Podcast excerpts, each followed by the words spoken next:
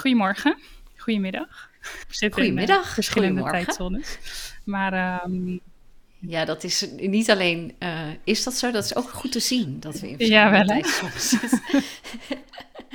Ik zit hier met trui en jij zit echt in een Ja. hemdje tussen de palmbomen aan het zwembad. het is hier uh, Het contrast kan niet groter zijn. warm, inderdaad.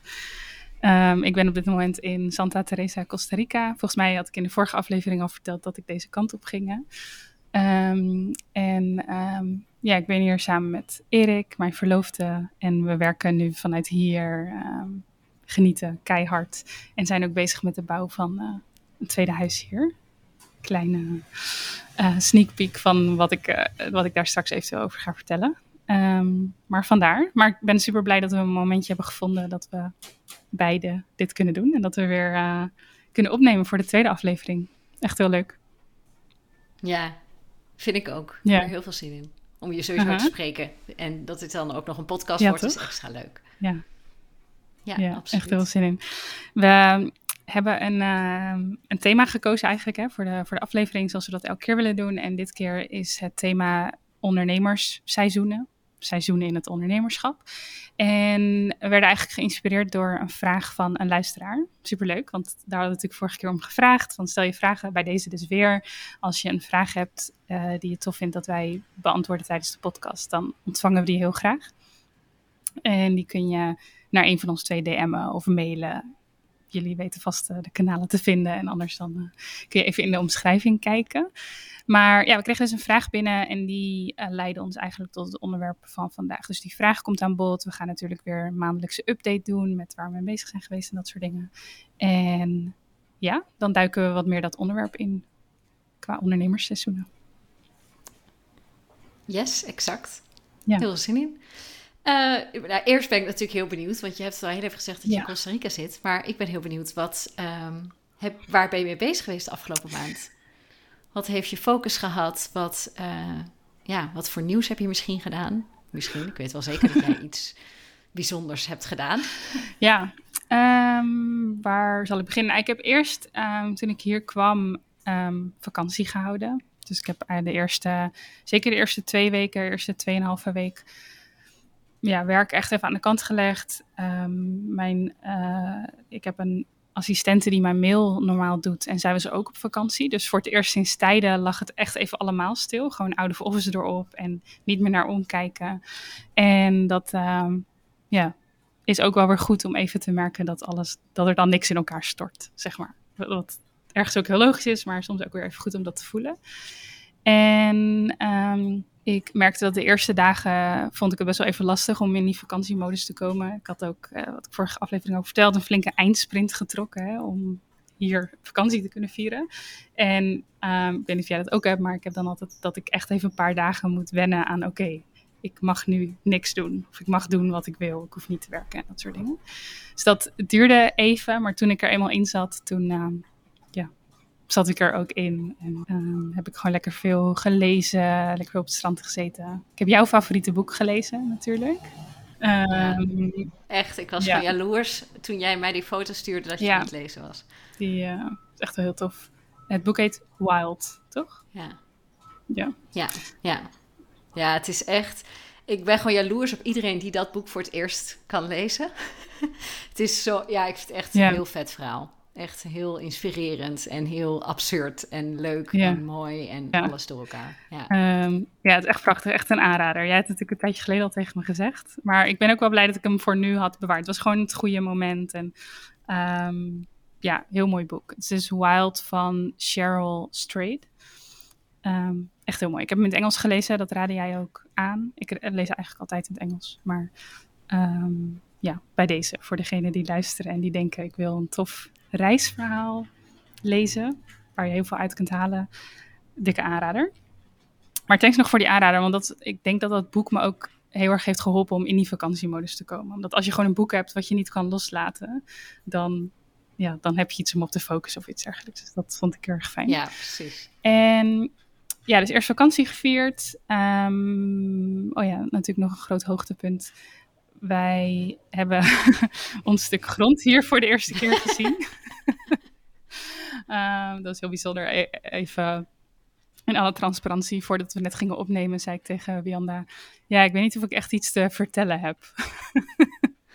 en toen zei hij al van, waar heb je het over? Weet je wel, kijk waar je zit. En ik weet, ja, jij weet natuurlijk wat ik gedaan heb, um, enigszins. Dus um, ja, nee, je hebt gelijk. Ik heb wel zeker dingen te vertellen. Soms dan uh, vergeet je dat even. Jouw, jouw levensstijl, die voor heel veel mensen heel bijzonder is, wordt voor jou gewoon heel normaal. Dat is ja. misschien een beetje. Dat je er. Eh, maar dat is ook mooi, dat je er echt in zakt. Dus dat het gewoon echt een, een, jouw mhm. leven is.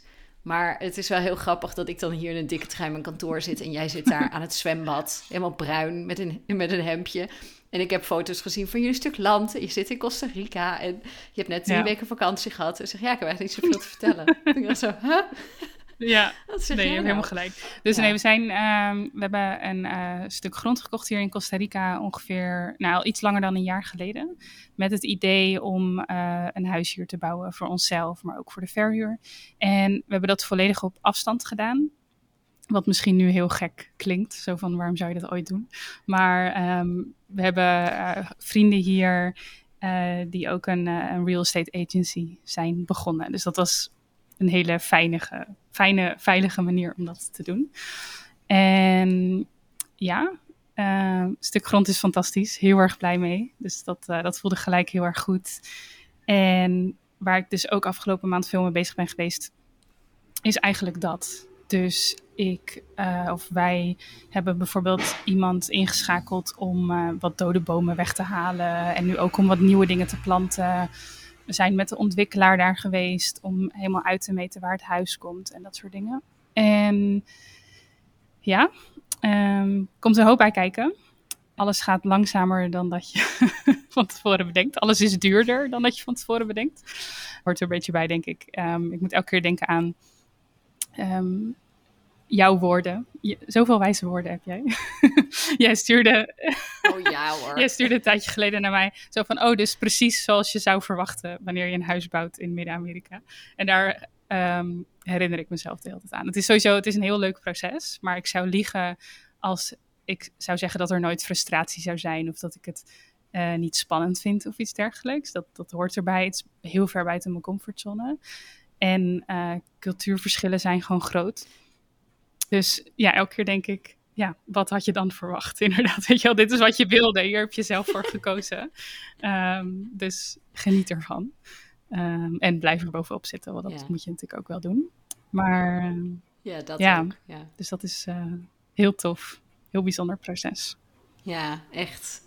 Echt zo vet. En het is zo grappig dat ik 300 keer moest appen voordat ik beeldmateriaal kreeg. Ik was zo, gewoon hier nog bijna benieuwder naar. Zo, jongens, ja. kom op. Eerst naar jou, toen naar jullie gezamenlijk. Ja. En, en, nou ja, en volgens mij had mijn man ook zelfs al gestuurd van naar, naar Erik van... Hallo. Gaat het goed daar? We willen ja. het zien. Wij zijn ook nieuwsgierig. Ja, wij zijn ook nieuwsgierig. Maar nou ja, uiteindelijk kregen we wel beeldmateriaal. Maar ik snap heel goed, ik vind het heel tof... Um, sowieso het hele proces om dit, dit zo te volgen natuurlijk. Maar ook wat jij zegt is heel veel buiten mijn comfortzone. Ja, ik denk, toen je dat zei, dacht ik meteen, ja, buiten wiens comfortzone is dit niet.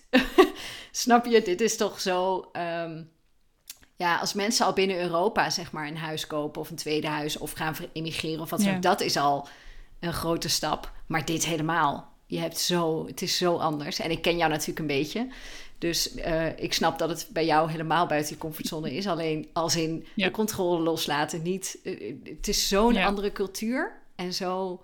En het past aan de ene kant heel goed bij je, maar ik snap dat het ook wat ja. frustratie hier en daar oplevert. Ja, het is, uh, het is tof, het is interessant. En ook inderdaad wat jij zegt met dat stukje controle uit handen geven. Um, is het een, gewoon een hele goede les, hele goede test om daar weer in te blijven groeien. Um, en het is ook wel grappig, want Erik en ik hadden van tevoren ook tegen elkaar gezegd dat het uiteindelijk vooral Erik's project is. Natuurlijk is het van ons samen, maar het is de bedoeling dat hij het vooral managt. En ik merk ook dat dat heel goed is. Ik merk ook gelijk, zeg maar, dat um, ik vind mijn bedrijf zoals het nu is zo fijn, omdat ik gewoon heel, um, ik denk dat je dat, uh, dat jij dat ook hebt, dat het heel hoe noem dat? Agile is heel behendig. Dus dat als jij iets wil, dat je dat direct kunt doen. En dat je afhankelijk bent van niemand ja. in zekere zin. En ja. met zo'n proces ben je afhankelijk van iedereen. En iedereen's agenda en iedereen's cultuur. En Ehm, en het is wel grappig, want het blijkt dus ook echt gewoon dat Erik daar veel beter in is. Dat verrast je denk ik ook niet. Ehm, om die contacten te onderhouden en gewoon een beetje de humor erin te houden, maar er ook bovenop te zitten. En, Ja. ehm, ja, dus dat is ook wel heel leuk om te zien dat we dat van tevoren ook goed gekozen hebben. Ja, jullie vullen elkaar daarin, denk ik, heel Mhm. goed aan. Dus, dus waar jij het stukje, ook het stukje de Ja. zakelijke kant, maar ook de, de, de, het overzicht en de, en de, de punctualiteit, zeg maar. eh, kan Erik daaromheen zwemmen en creëren Ja. en spelen, zeg maar. En, en inderdaad het sociale contact en de grapjes en de humor, maar wel ook als het moet even een punt zetten. Ja, dat is eh, een mooie, denk ik, een mooie Ja. balans Ja. samen. Nee, dat denk ik ook en dat merken we dus nu al. Leuk. Het is heel tof. Dus hopelijk ehm, heb ik daar volgende Ja. keer weer een, eh, nog een extra update over. Dus dat. En dan op, eh, in mijn bedrijf heb ik ook nog wel wat, wat nieuwe dingen gedaan. Ben ik ehm, afgelopen week met wat dingen bezig geweest. En dat is de herlancering van mijn training Strategisch Plannen. Eh, dat is mijn training over eh, eigenlijk een masterplan maken voor jouw komende jaar. Ehm, op de juiste manier doelen stellen, substappen uitwerken, productief werken. Eigenlijk mijn hele framework. ehm, wat maakt dat ik mijn doelen meestal behaal. Of in ieder geval dat ze me heel veel richting geven en dat ik vooruit ga. En die, die training die, staat, die stond in principe gewoon een hele tijd gewoon open. ehm, maar dit vind ik altijd een heel goed moment om het te herlanceren met nieuwe bonussen en mooie actie en dat soort dingen. Dus daar ben ik mee bezig. En ik ben ook bezig met, voor die lancering, met van die eh, DM automatiseringen. Ehm, met een stukje AI en dat soort dingen. Dus dat eh, is leuk om weer iets nieuws Ja, te tof. ontdekken en daarmee bezig te zijn. Ja, Eh, ja. ik vind dat zo'n fijne, die, eh, die automatisering, zeg maar. Ja, ik vind het zelf heel... Gewoon om het te gebruiken, heel chill. Ik heb Nee. het zelf nog niet gebruikt. Maar om het te gebruiken, vind ik het echt heel chill. Ja, ik ook. Dus ehm, mocht je nu luisteren en geen idee hebben, dat gaat er dus over dat ehm, soms zie je nu op Instagram een post en dan wordt er bijvoorbeeld gezegd: ehm, reageer met dit en dit woord. Ehm, ik heb er nu eentje aan staan, het woord is voorsprong. Dus als je zeg maar op een van mijn posts voorsprong reageert, dan krijg je, als het goed is, er zitten hier en daar nog wel wat eh, kinken in de kabel, merk ik. Ehm, maar dan trek ik dat handmatig gerecht, dat is ook oké. Dan krijg je een, eh, een, een DM met een bepaalde freebie. En dat gaat dus veelal automatisch. Bedoeling dat dat 100% automatisch gaat. En ehm, dat maakt eigenlijk dat mensen niet direct meer van Instagram af hoeven. Dus dat je niet elke keer linkjes hoeft te delen in je stories of link in bio. Maar eh, dat je eigenlijk via een chatbot in de DM een freebie kan sturen. Of iemand toe kan voegen aan een e-maillijst en dat soort dingen. Dus ja, interessant. Inderdaad. En ik vond het zelf inderdaad ook fijn om te Ja. gebruiken. Ik heb ook even ge, gepold en onderzocht onder mijn volgers wat zij ervan vonden. Want ik was ook wel benieuwd. Ja, dit is wel. AI is altijd wel zo'n onderwerp, toch? Waar mensen sterke meningen over hebben. Ehm, heel, sommige mensen die gaan er. Die denken, oh, nieuw, leuk, ik ga daarmee experimenteren. Dat ben ik. Ehm, maar er zijn ook mensen die eh, dat toch wel lastig vinden of minder authentiek en dat soort dingen. Dus ik heb het even gecheckt en ik kreeg heel veel positieve reacties. Ehm, en ook een paar goede reacties van mensen die zeiden: ehm vind niet erg zolang je maar weet dat het AI is. En dat vond ik bijvoorbeeld een hele belangrijke nuance. Dat je niet inderdaad doet alsof jij het bent, maar dat je gewoon echt zegt: Nee. dit is mijn Ja. AI-assistent, heb ik nu bijvoorbeeld neergezet. Die dat dan voor Ja. je regelt. Ja. Dus ja, het is leuk om eh, mee te experimenteren. Ik ben benieuwd wat Leuk. het gaat doen. Lekker Dat, eh, bezig. was mijn update. Ja, mooie update. Goed. En dan ben ik natuurlijk ook wel benieuwd naar jou. eh. Waar ben jij mee bezig geweest? Nou, volgende week vrijdag heb ik mijn allereerste Mhm. live event. En dat heeft wel de volle focus gehad. Dus dat heb ik eh, afgelopen maand bekendgemaakt. Zeg maar, de ticketverkoop was al voor een deel in september. Zeg maar een soort secret eh, project Ja. had ik er toen van gemaakt, mijn iets. En ik heb de afgelopen maand bekendgemaakt dat het een eerste live event is wat ik ga organiseren. Het is nu nog heel klein, dus het is echt een ochtend en that's it. Maar ik dacht, ik moet klein beginnen en ik bouw dit wel uit naar iets groters, want ik heb er Mhm. grote plannen mee. Eh, en op een paar tickets na ben ik uitverkocht, dus dat is echt absurd hoe dat nog eh, daarna Ja. nog gegaan is. Ik ga dat in een, in een klein theater in Arnhem eh, doen. Wat ik echt heel leuk vind, omdat dat heel erg voor mij de brug slaat tussen mijn acteerachtergrond en wat ik nu doe, zeg maar. En dat wil ik ook steeds meer, voor nu is het nog gewoon puur in het theater. Het is niet dat ik een heel theater of een performance ga doen. Maar uiteindelijk wil ik daar Mhm. wel meer naartoe. Dat ik daar echt ehm, ja, iets unieks van wil gaan maken. Ja. Maar stap voor stap. Dus eh, dat vind ik heel lastig. Want ik wil eigenlijk dat het meteen helemaal perfect is. Maar ik vind al heel goed hoe ik het nu doe.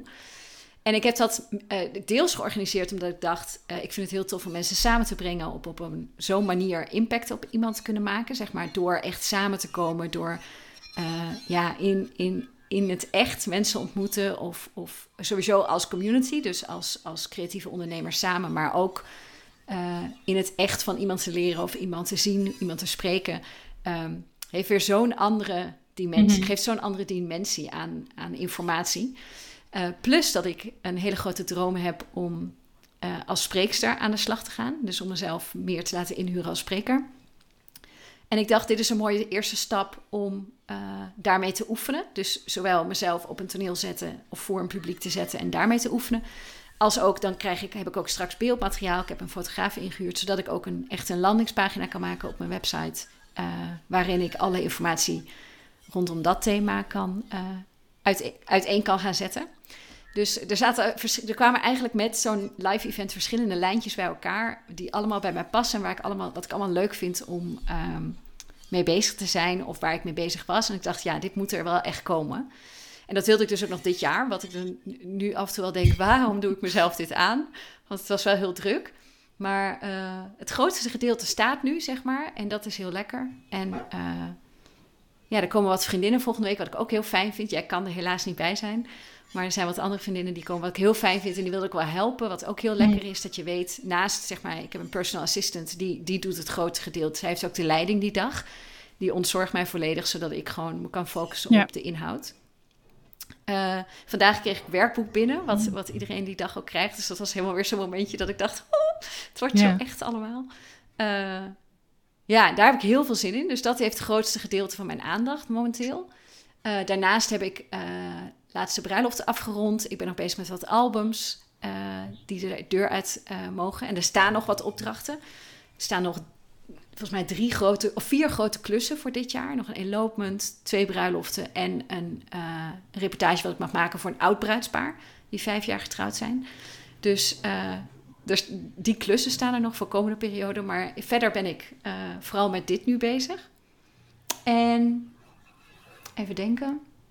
Ik ben naar Berlijn geweest, naar Weep Noord, waar wij ook samen een aantal keer in zijn geweest. En dat was ehm, ehm, heel lekker. Het was voor het eerst dat ik zonder eh, mijn zoontje, mijn, dochter ben ik al wel vaker alleen van weg, van weg geweest, zeg maar. Maar voor het eerst zonder mijn zoontje en ook voor het eerst dat ik dat zo snel, zeg maar binnen, met acht maanden. Maar met mijn dochter heb ik de eerste 15 maanden eh, altijd meegenomen. Dus het was voor het eerst dat ik ook fulltime moest kolven en zo. En dat viel me best wel tegen. Als in het, het ging heel goed, maar dat kwam omdat ik in eh, Berlijn heel erg zelf de regie had. Ik had een hotel gekozen dicht bij de locatie, zodat ik tussendoor elke keer naar mijn hotelkamer kon gaan om daar even te kolven. Ehm, maar je bent best wel afhankelijk natuurlijk met elke zoveel uur kolven. Je bent best wel, ook al ben je, ben je eruit, je bent daar best wel afhankelijk van. Dus ik heb ook de keuze moeten maken. De vorige keer vertelde ik dat ik natuurlijk naar Rio zou gaan. Ik had daar heel veel zin in.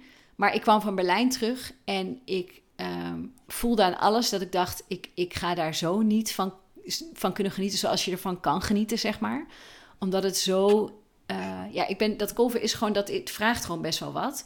En ik dacht, je hebt de andere tijdzone. Ehm, ik ben dan constant. Ik ben, heet het eigenlijk wel. Ik ben, ga natuurlijk met iemand anders mee. Dus ik ben een beetje afhankelijk van haar eh, agenda. En in Berlijn had ik volledig de agenda aan mezelf. En daar ga ik dan heel goed op. Dan heb ik een soort van, kan ik zelf bepalen wanneer ik denk, nu ga ik even kolven. Maar dan zit ik in Rio, ga ik met iemand anders mee.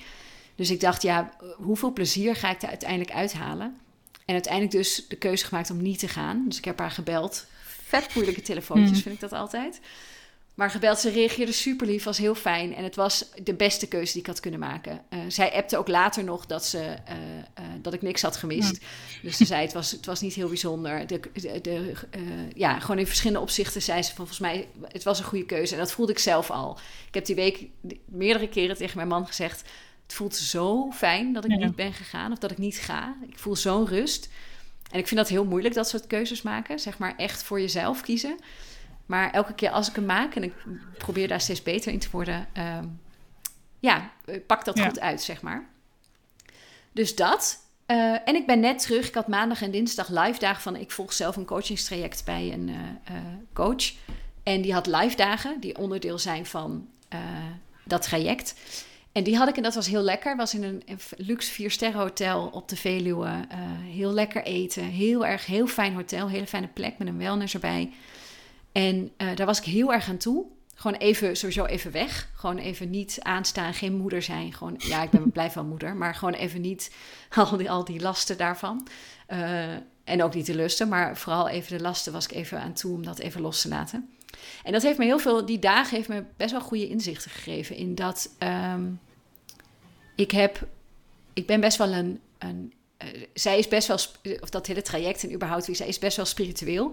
En dat heb ik ook bewust gekozen. Maar ik vind het ook heel moeilijk. Dus ik voel heel veel weerstand daarbinnen. Omdat ik ook best wel praktisch ben en ik gewoon nuchter. En dat ik soms ook denk, ja, en nu wil ik even weten wat ik, wat ik er dan mee kan. Ehm, en zij werkt heel erg met uh,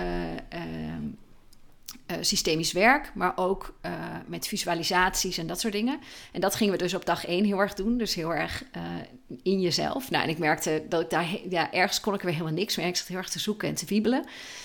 En, maar wel dat ik daar ook heel erg zat van. Ik, weet je, ik geniet gewoon van deze dagen. En ik, heb, ik had niet heel bewust dat ik ergens echt naartoe wilde. Dus ik stond heel erg open. Waardoor uiteindelijk op dag twee uh, er een aantal hele mooie puzzelstukjes vielen. Ook voor komend jaar en voor uh, wat ik meer nodig heb, zeg maar. En ik merk dat ik soms best wel aan het zoeken ben met de balans tussen moeder zijn en heel ambitieus als ondernemer. Dat ik die balans soms heel moeilijk vind om te vinden. Dus dat ik het liefst gewoon af en toe even wil knallen. En dat ik dat ook heel erg nodig heb van mezelf om ongestoord aan dingen te kunnen werken. Maar ja, dat, ik heb maar een paar dagen in de week dat ik echt kan werken. En, of in de avonduren. Maar heel, daar mis ik soms um, ja, wat rust in of zo. En nu kwam ik een beetje tot de conclusie dat ik eigenlijk wat meer mag gaan verzachten. Dus ik ben best wel hard voor mezelf. En ik ben best wel, uh, ik ben echt een doener en heel erg doorgaan. En ze hebben het dan over mannelijke en mhm. vrouwelijke energieën. Daar krijg ik ook soms weer helemaal het jeuk van. Maar nu dacht ik, ik ben wel echt iemand die best wel in die mannelijke drive zit. In die energie gewoon heel erg gaan.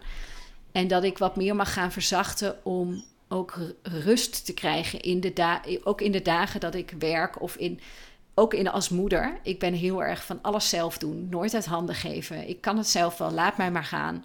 Of laat mij maar, ik doe het wel.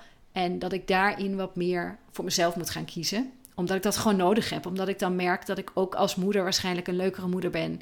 Als ondernemer het, het beter kan dragen voor mensen die ik zelf coach. Maar ook voor nieuwe dingen die ik wil gaan doen. Dus ik, uh, ik merkte dat ik daar weer een beetje in vastliep. En het is natuurlijk ook sowieso balans zoeken nu met twee kinderen en met gewoon alles wat ik wil. En ik ben gewoon mega mhm. ambitieus. en dat is soms, ja, dat is een interessant. Ik vind dat, ik vind dat een heel mooi proces van het moederschap. Dat, dat, dat is de grootste zelfontwikkeling ontstaat voor mijn gevoel vanuit dat moederschap. Of je krijgt zo'n mhm. spiegel constant. Um, en dat is wel, dat vond ik een heel mooi inzicht. Dus ik, dat wordt ook mijn soort van woord voor 2024 om te verzachten. Naar mezelf toe, maar ook daarmee naar, naar mijn agenda, mijn, mijn planning in alles. Ja, mooi. Veel. Toch, als je het allemaal zo hoort. ja, ja, heel veel. Ja, het, het, is heel veel. Ja, maar daarom ben ik ook zo blij met, met dit. Uh, met die afgelopen dagen dat ik dacht, oh ja, dat is wel een mooi inzicht. En dat is wel iets waar ik echt nog in mag groeien. Dus wat meer in die, uh, ja, wat liever zijn voor mezelf vooral. Mooi. En ook herkenbaar in de zin van dat. Ehm, ja, ik vind balans zoeken en verzachten en inderdaad lief zijn voor jezelf ook altijd super interessant. Zeg maar, ik denk dat door heel veel factoren dat je soort van soms even uit balans wordt getrokken en dat het ook goed is en dan mag je dat weer terug gaan vinden. We hebben vorige aflevering natuurlijk ook een beetje over gehad. Ehm, ja, dat is zo'n mooi proces en daar zit zoveel uh, groei in. Inderdaad. Ja, absoluut. Dus, um, ja, ja, thanks voor je, voor je update. Zijn er dingen waar je, um, en ik denk dat we al veel dingen hebben genoemd, misschien allebei, maar zijn er dingen die je nog niet hebt genoemd waar je trots op bent? Iets dat we nog moeten of kunnen vieren? Uh, nee, ja, vooral op dit event. Daar ben ik gewoon echt fucking trots op. Dat ik dit, ik vind het heel eng, want heel veel mensen denken, doordat ik een theaterachtergrond heb, van oh, dat mm. doe je wel even of dat is voor jou niet, oh, wat, wat stoer dat je dit durft. Dan denk ik, ja, ik weet niet of ik het durf. Ik doe het gewoon. En het is niet, het is, ik, ben, ik heb een acteerachtergrond, maar dat is niet in het presenteren of in het praten als jezelf voor een publiek. Dat is met een script in een rol. Dat is echt een wezenlijk verschil. Dus ik vind dit heel spannend. En ik weet nog, bij vorig jaar heb ik twee live dagen georganiseerd. En toen stond ik voor die groepen, dat waren acht mensen. En die eerste vijf minuten, ik, ik kreeg het Spaans benauwd. Ik begon helemaal te trillen. Ik vond het zo spannend. Dus ik ben heel benieuwd wat er nu gaat komen. Zeg maar, als, ik, ik weet het gewoon niet. En ik, maar ik, ik, ik heb gewoon een droom. En die, dat probeer ik te heten mezelf voor te houden. Elke keer als die angst er komt, probeer ik me te realiseren... ja, maar waarom doe je dit? Wat is je doel hiermee? En dat is meer mensen bereiken, mensen samenbrengen. Ehm, en ook mezelf als spreker kunnen gaan inhuren. Dus het zijn twee doelen die ik hier eigenlijk mee heb waar ik gewoon heel veel liefde en energie van krijg. Dat, dan gaat het meteen stromen en dan denk ik, ja, dit moet er komen. Dit, deze stap heb ik te zetten om bij mijn Mhm. droom te komen. En dat eh, is dat überhaupt het hele proces. Het is zo leerzaam. Dus daar, eh, ik ben gewoon heel trots op dat ik het gewoon doe. Dus dat ik niet blijf dromen, maar dat ik eh, concrete stappen zet om, om het waar te maken, zeg Ja. maar. Ja, daar ben ik wel echt trots op. Heel erg terecht, natuurlijk. En jij? Ehm, ja, ik zou me er eigenlijk bijna bij willen aansluiten. In de zin van dat, ja, ik zat denken, waar ben ik nou echt trots op? Behalve de dingen die ik net al verteld heb. En ik denk dat, kijk, als ik hier, hier ben en zeg maar in de, in de winter reis, en zeker als ik op deze plek ben waar ik me zo goed voel, dan ervaar ik echt enorm veel ehm, dankbaarheid. Ehm, thuis ook overigens, zeg maar thuis in Nederland. Maar ja, ik ben gewoon ontzettend dankbaar om hier te zijn. En dat, dat voel ik heel erg. Dat spreken Erik en ik ook heel vaak naar elkaar uit. Heel erg dankbaar voor hier, maar ook voor het leven dat we leiden. Gewoon alles wat we eigenlijk afgelopen jaren hebben bereikt. En waar we mee bezig zijn. En wat ik me heb gerealiseerd, ehm, ook tijdens mijn vakantie al een beetje, nou, wat ik me eigenlijk vaker realiseer, is dat ik me heel vaak heel dankbaar voel, maar trots vind ik moeilijk, denk ik. Dus zeg maar, ehm, ja, dat, ik denk dat dat ook hetzelfde is wat net een beetje leidde tot dat ik niet zo goed wist waar ik het over moest hebben en zo. Dat ik inderdaad dit soort van normaal ben gaan vinden. Terwijl aan de andere kant ook weer niet, want ik voel me wel heel dankbaar. Dus ik sta er heel erg bij stil hoe fijn dit is en dat ik dit graag wilde en dat ik hier ben. Alleen om dan daar heel erg trots op te zijn, vind ik soms nog wel moeilijk. Uh, of dat komt niet te snel. Waar komt dat Ja. vandaan? Dat is een goeie. Ik denk een stukje, mis- ja, geen idee. Misschien een stukje persoonlijkheid, misschien een stukje, ik weet niet of het opvoeding is, maar misschien een stukje maatschappij. Dat soms wel lastig is om zeg maar trots te zijn op dit soort dingen. Omdat het natuurlijk ook voortkomt uit bepaalde, het is aan de ene kant gewoon helemaal mijn eigen doen. Aan de andere kant is het natuurlijk ook een heel groot privilege van geboren worden in Nederland en veilig opgroeien. En ja, weet je, hier kunnen komen, zeg maar. Dus ik denk dat ik daar soms nog wel Ja. een beetje mee struggle. En ehm, ja.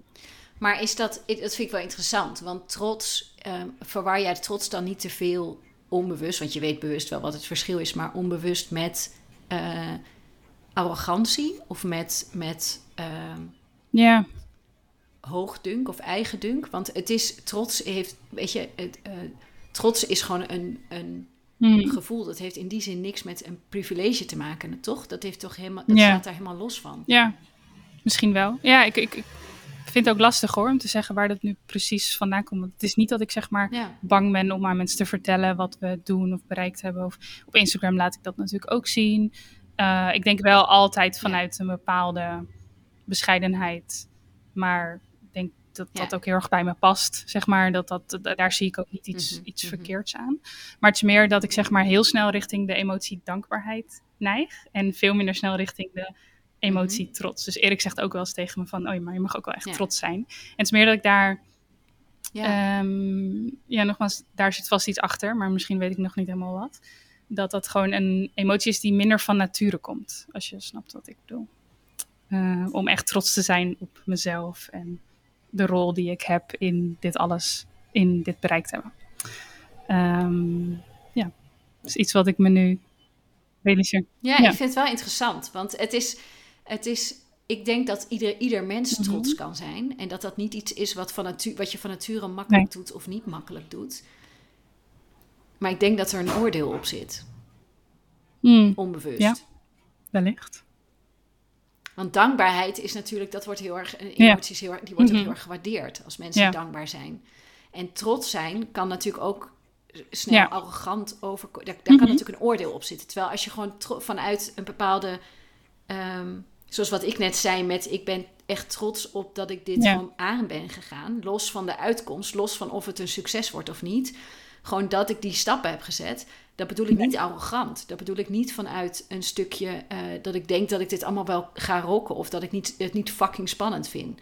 Dat ik hier heel zeker over ben. Echt, dat is allemaal totaal niet aan de hand. En dat soms vind ik best wel lastig. Dat als je zegt dat je trots bent, dat mensen automatisch verwachten dat het Mhm. ook een succes wordt of goed wordt. Maar ik ben gewoon trots op de stappen die ik heb gezet. Los van dat ik er gewoon aan het toewerken Ja. ben naar een droom. Mhm. Los Ja. van de uitkomst. Ja, en zo voel ik hem ook als jij, als jij hem zegt. Ik, ja. Ergens misschien ook wel hoor, een stukje maatschappelijke verwachting. Ik denk dat het vrij Nederlands Ja. is om zeg maar niet te trots te zijn. Ja, ik wou, ik wou bijna zeggen, het is heel achterhoeks om niet trots te zijn. Je moet niet naast je schoenen gaan lopen. Maar goed, dat, eh, jij komt Nee. niet uit de Achterhoek. Nee, maar ehm, nee, ik, de- daar zou het best een stukje vandaan kunnen komen. Gewoon Nederlandse maatschappij in die zin. Ik vind, ik ga, ik vind bijvoorbeeld werken met Amerikanen en zo echt heel erg leuk. Om heel veel redenen. Maar ook een van de redenen omdat gewoon in die cultuur ja, mensen gewoon trots zijn. Ehm, en ik bedoel, Ja, daar zitten ook genoeg, eh, aan die cultuur zitten ook genoeg dingen die ik niet zou willen. Maar ehm, van bepaalde dingen kun je heel veel eh, leren. Dus ja, dus als we het hebben over trots zijn, dan denk ik dat bij deze mijn besef is dat ik wel trotser mag zijn op dat ik hier zit en dat ik dit leid. Plus, ehm, ja, ik denk ook wel dat ik echt trots kan zijn op ehm, ja, die groei binnen dat loslaten en toch weer dat buiten die comfortzone stappen. Ehm, wat ik ook bijna als Ja. een soort van een beetje normaal ben gaan zien, maar dat is het natuurlijk niet. Eh, tenminste, dat het zou mooi zijn als dat het is, natuurlijk. Weet je, als iedereen constant buiten zijn comfortzone gaat in bepaalde mate om te groeien. Ehm, maar ook dat blijft oncomfortabel. En dat is denk ik ook wat jij net omschreef. Dat ehm, als, als je zeg maar bepaalde stappen hebt gezet, of je mensen kijken op naar je, of dat nu ehm, ja, op, op welk niveau dan ook, dat het op een gegeven moment is van, oh ja, jij bent al zo vaak buiten je comfortzone gestapt, of jij hebt al zo vaak stappen gezet, jij vindt niks meer spannend. Ik kreeg laatst ook een mail van iemand. Ik, ik, ik antwoordde haar iets, zij vroeg iets, toen zei ik, oh, dat vind ik wel spannend. En toen kreeg ik ook een mail terug met, oh, dat jij nog dingen spannend vindt. En toen dacht ik echt, heb je even? Ik vind echt alles spannend, bijna, zeg maar. Maar ik, ik doe het gewoon, net als jij zegt. Van, ik ga me daar niet door laten tegenhouden. Uh, ja. Ik denk zelfs dat hoe groter je bereik wordt um, en hoe harder je groeit als ondernemer, hoe spannender mm. dingen worden. Ja. Dus het, het, is juist dat spelen in het begin is heel moeilijk om, om vast te houden hoe groter je ja, wordt, letterlijk en figuurlijk. Dus ik denk dat het alleen ja. maar spannender wordt. Alleen mensen denken dat het andersom nee. is, maar dat is niet het geval. Want je zet steeds grotere stappen. Het wordt steeds, hangt er meer van af. Er wordt meer naar ja. je gekeken. Je wordt vergeleken. Je wordt, ja. Um, dus ik vind het, ja, ja.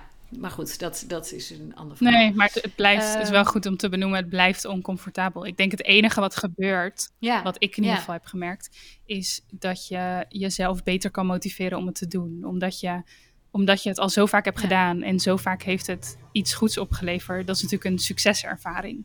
Dus de volgende keer dat iets dan spannend is, dan denk je, oh ja, maar dit, ja, dit is heel spannend, is oncomfortabel, maar dat was het de, de vorige honderd keer ook. dus laten we het maar Ja. gewoon doen. En als Ja. ik op mijn bek ga, dan ga ik op mijn bek. Maar meestal eh, pakt het of goed uit, of leert het je iets. En dan pakt het eigenlijk nog steeds goed uit, zeg maar. En ehm, wat Ja. inderdaad mij ook altijd heel erg motiveert, ehm, ook vanaf het begin al, ook rondom zichtbaarheid, is, ehm, hoorde ik jou net ook zeggen, dat doel in gedachten houden. Dus gewoon weten, ik bedoel, jij, moet, jij gaat straks het podium op, eh, dat vind je spannend. Ehm, maar, en het heeft te maken met die droom. Dus dat is die succeservaring die je hoopt te bereiken daarmee natuurlijk. En het heeft te maken met, ja, maar als daar iemand in die zaal zit die daarop aangaat en die een verandering maakt, die iemand ontmoet. Ja, dat vooral. En dat, uh, Ja. dat is volgens mij gewoon de grootste drijfveer achter spannende dingen doen. Dus als je gewoon bedenkt, oké, Ja. maar als ik dit nu doe, ja, het is heel spannend, maar wat, wat kan er bij iemand anders veranderen? Wat kan ik voor impact maken, hoe klein of groot dat dan ook is? En dat heeft me eigenlijk altijd tot nu toe weten te motiveren om gewoon te zeggen, ja, dan, dan vind ik de impact die ik kan maken belangrijker dan die spanning of het risico wat ik neem. Dus laten we het dan maar doen. Ja. Ja, en dat is precies wat ik inderdaad doe. Dus eh, want ik heb, ik heb me ook een tijdje oncomfortabel gevoeld bij het idee dat ik dus mijn eigen live event organiseer en mezelf op een hmm. podium zet. Dat ik dacht, hoe arrogant ben ik dat ik dat doe? Maar toen dacht ik, ja, maar het, het komt niet vanuit arrogantie. En ik hoop niet dat mensen dat zo gaan zien. En gelukkig is, lijkt dat niet het geval. En de mensen die dat wel vinden, dat moeten ze dan zelf weten. Dan moeten ze mij dat sturen, dan kan ik ze uitleggen waarom dat niet het geval is. Maar Ehm, dat, dat, die komt natuurlijk, die angst komt ook in je op. Dus bij, bij het organiseren van dit en bij dit bedenken en uitdenken komen er allemaal angsten op.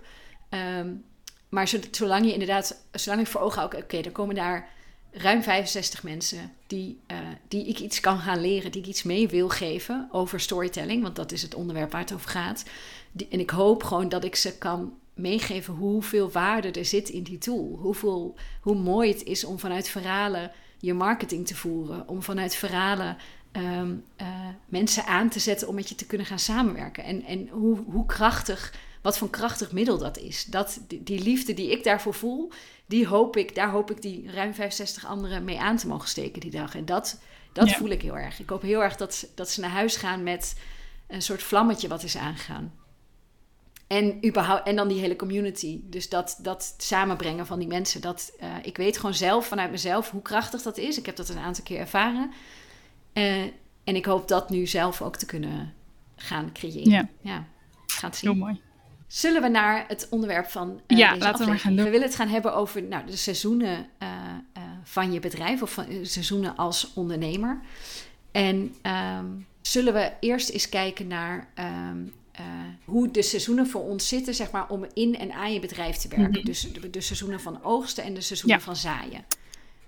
Hoe, wat zijn jouw gedachten daarover? Hoe, hoe, hoe zie jij dat? dat hoe ehm, is dat geïntegreerd in jouw ehm, bedrijf? Dat is een goede. Dus inderdaad, um, heel even een soort van de uitleg daarachter. Uh, je hebt inderdaad de seizoenen van zaaien en de seizoenen van oogsten. En je kunt dat inderdaad, denk ik, gelijk trekken aan in en aan je bedrijf werken in zekere mate. Waarbij als we het hebben over in je bedrijf werken, hebben we het dan meestal over uh, bijvoorbeeld echt factureerbare uren. Een, een, een, een, opdracht die je doet voor een klant waarbij je per uur betaald wordt. Of een, in ons geval een shoot die je doet of een, een coaching traject of dat soort dingen. Dus daadwerkelijk de dienst leveren die je verkoopt is in je bedrijf werken. Um, even heel simpel gezegd, uh, allemaal nuances, maar die ga ik er niet bij halen. En aan je bedrijf werken wordt um, over het algemeen meer uitgelegd, en zo zie ik het ook, als um, ja, nadenken over waar je heen wil, maar ook werken aan je marketing, uh, bedenken hoe je ideale klant gaat bereiken bijvoorbeeld en daarmee bezig zijn. maar ook een stukje uh, persoonlijke en zakelijke groei vind ik in zekere mate ook aan je bedrijf werken ja, dat, is denk ik, dat maakt denk ik wel duidelijk wat we hiermee bedoelen, toch? Heb je daar aanvulling? Mm Oké. Mhm. nee. Ja, en dan um, ja, wilden we dus wat delen over hoe dat inderdaad dus bij ons gaat. Er gaat de vraag uiteindelijk ook over die we van een luisteraar kregen. Ik vind het best lastig om dit heel compact uit te leggen, merk ik. Maar ik ga mijn best doen. Ik denk namelijk dat op dit moment in mijn bedrijf dat in en aan mijn bedrijf werken heel goed verdeeld zijn. En ook niet, uh, het is niet dat ik de ene maand aan mijn bedrijf werk alleen maar en de andere maand alleen maar in mijn bedrijf werk bijvoorbeeld. Het is eigenlijk heel erg um, gebalanceerd per week. Wat ik probeer te doen en wat ik ook aan anderen altijd meegeef is om um, na te denken over mijn eigen ideale werkweek ideale werkdag. Dus ik denk na over hoe wil ik dat mijn dag eruit ziet. Maar ook werk ik bijvoorbeeld graag met themadagen. Dus dat ik echt zeg, die dag ga ik content maken. Die en die dag, dagen heb ik plek voor coaching uh, en andere afspraken. Um, en die dag werk ik aan projecten bijvoorbeeld. Waarbij projecten heel duidelijk een aan mijn bedrijf werken dag is. Uh, kan bijvoorbeeld ook dat ik dan een nieuwe online training maak of iets dergelijks. Waarvan je kunt zeggen dat is misschien een beetje van beide. Um, maar heel simpel gezegd, ik werk elke week aan mijn bedrijf en ik werk elke week in mijn bedrijf. En ik denk dat dat heel fijn is en dat dat uiteindelijk ook echt iets is om voor de meeste ondernemers om naartoe te groeien. Um, omdat wat ik heel vaak zie bij mensen die wat meer startende zijn, is dat ze bijvoorbeeld een hele tijd alleen maar aan hun bedrijf werken. Wat op zich logisch is, want als jij nog geen klanten hebt, hè, als je echt net begint en je moet echt nog je naam out there krijgen en dat soort dingen, dan ben je waarschijnlijk ook vooral aan je bedrijf aan het werk. En op een gegeven moment komen er dan klanten, als het goed is. En dan hebben ze bijvoorbeeld druk. Denk aan een bruidsseizoen of iets dergelijks. Als je bruidsfotograaf bent of een andere leverancier in de trouwbranche. Dan werken ze een aantal maanden alleen maar in hun bedrijf, omdat dan zo erg de focus daarop ligt. En misschien uh, hebben ze beperkte uren, systemen zijn misschien ook niet altijd geoptimaliseerd op het begin natuurlijk. Je doet nog te lang over bepaalde taken. En dan stopt dat en dan moeten ze soort van weer het aan hun bedrijf opnieuw opstarten. Dus dan hebben ze misschien ook heel lang niks gepost op Instagram. Of uh, ze hebben ze eigen kant tijd niet over nagedacht of ze nog leuk vinden wat ze doen en dat soort dingen. Het moet weer een soort van opgestart worden, dat duurt dan heel lang. En het duurt dan weer ook even totdat de klanten komen. Zeg maar. Wat in, misschien was dit niet het allerbeste voorbeeld, want in het geval van een bruidseizoen is dat niet heel erg misschien. Omdat je dan, ja, is het ergens ook prima natuurlijk om zomers wat harder te werken in die zin en winters wat meer aan je marketing te werken. Maar ik zie dit ook terug bij bijvoorbeeld, uh, laat zeggen, een website designer die dan aan, aan, aan door bedrijf werkt dan uh, zijn er heel veel klanten en eigenlijk te druk om aan haar bedrijf te werken. En dan werkt ze alleen maar in haar bedrijf en dan moet het daarna weer opgestart worden. En wat je dus eigenlijk wil, is dat je of um, daar gebalanceerder aan kan werken, of dat je systemen achter um, in de achtergrond die zeg maar, voor bijvoorbeeld lead generatie werken of marketing of content, dat die wat meer op zichzelf staand zijn. Als je snapt wat ik bedoel. Dus stel dat je met e-mail funnels werkt of iets dergelijks, dan is het misschien makkelijker om een tijd alleen maar in je bedrijf te werken zonder heel erg momentum te verliezen of zonder die doelgroep te verbreden. Um, ja, op dit moment is het dus bij mij wel heel erg gebalanceerd. Maar ik neem soms neem ik wel uh, extra tijd om aan mijn bedrijf te werken. Dus ik heb wel regelmatig dat ik zeg, ik wil een afspraakvrije week. Um, zodat ik meer aan mijn bedrijf mhm. kan werken. Of soms zelfs een afspraakvrije maand. Um, zodat ik echt aan mijn bedrijf kan werken en geen coaching en geen fotografie hoef te doen. Wat ook wel weer heel fijn is, want dan kun je gewoon even helemaal die bubbel in en alleen maar creëren, nadenken. Maar denk jij niet dat dit voor jou makkelijker is omdat jij niet heel veel bruiloften meer fotografeert? Jij hebt nu niet heel erg mm seizoenswerk meer. Um, zeg maar, ah, bruidsfotografie is natuurlijk echt seizoenswerk. Dus toen jij, nog, toen jij nog enkel bruiloften deed, hoe was dat toen voor jou? Toen, um, ja, ik werkte toen ook echt wel aan mijn bedrijf. In de zin van, het kwam bij mij niet voor dat ik maandenlang geen Instagram-post maakte bijvoorbeeld. Instagram is binnen, nee, precies. binnen nee, bruidsfotografie is ja. Instagram eigenlijk nou ja, SEO en Instagram waren eigenlijk mijn belangrijkste. Dat is ook niet waar. SEO, Instagram en um, zeg maar connecties met wedding planners en dat soort dingen. Maar ik uh, postte bijvoorbeeld wel ook in mijn bruidseizoen twee à drie keer per week op Instagram. Um, ook gewoon, en niet omdat ik nou zoveel meer uren had dan anderen, maar ik denk ook omdat ik van tevoren wat meer dan batchte. Uh, en dat ik gewoon, ik nam altijd een uur per week om mijn Instagram te doen toen ik uh, alleen maar bruidsfotografie deed. En daarin maakte ik gewoon content voor de hele week. En ik denk als je proces geoptimaliseerd is um, en je jezelf traint om dat te doen, dat dat heel goed kan. Maar is het niet zo dat, want dat is, dan heb je het puur over content schrijven, maar dat is natuurlijk niet het enige wat aan je bedrijf werkt. Nee, maar het is meer, ik denk dat dat mijn, mijn, punt is. Ik denk dat je het nooit helemaal wil loslaten. Nee. Nee, Kijk, en als het, als het moet, dan moet het. Hè? Ik bedoel, als, als de keuze is tussen aan je bedrijf werken loslaten of een burn-out, doe dan alsjeblieft aan je bedrijf uh, werken loslaten. Alleen, ik denk wel dat voor zowel ik heb het nu eigenlijk elke keer over marketing succes en de groei van je bedrijf. Maar ik denk ook dat het voor je eigen voldoening bijvoorbeeld mega belangrijk is om niet maandenlang jezelf te verliezen in bijvoorbeeld die bruiloften. Maar om ook te zorgen van, oké, maar waar ben ik dan in dit hele proces? Weet je? En, en ik heb mezelf daar absoluut een keer in verloren. Uh, maar ik bedoel, dat werkte niet. Toen kon ik, dan had ik ook niet het gevoel dat ik nee echt alles aan mijn klanten kon geven. Dus ik denk dat het belangrijk is om ook in dat soort periodes en tijd voor jezelf te maken. In de zin van dat je gewoon self-care, zeg maar. En dat, kan, dat hoeft echt niet heel uitgebreid te zijn. Dat kan een kwartier of twintig minuten wandelen zijn in de ochtend. In plaats van direct achter die, achter die computer gaan editen, bijvoorbeeld.